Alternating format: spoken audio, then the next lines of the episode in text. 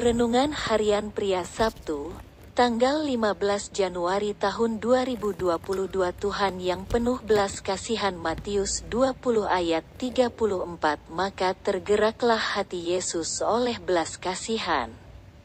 Lalu ia menjamah mata mereka dan seketika itu juga mereka melihat lalu mengikuti dia.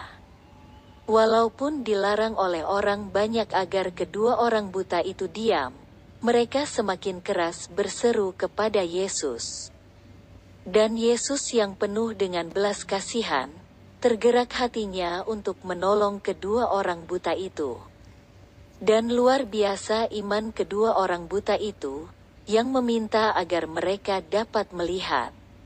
Sebuah permintaan yang tidak masuk akal secara logika, tetapi mereka percaya bahwa Yesus dapat melakukannya. Lalu Yesus berhenti dan memanggil mereka. Ia berkata, "Apa yang kamu kehendaki supaya aku perbuat bagimu?"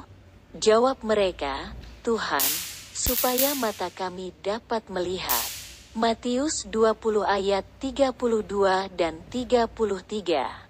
Kemudian Yesus menjamah mata kedua orang buta itu dan seketika itu juga mereka dapat melihat lalu mengikuti Yesus.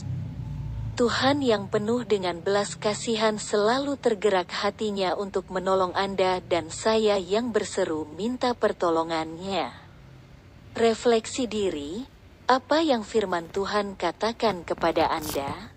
Bagaimana kehidupan Anda dengan firman Tuhan itu?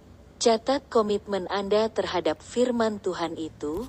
Doakan komitmen Anda itu, pengakuan imanku.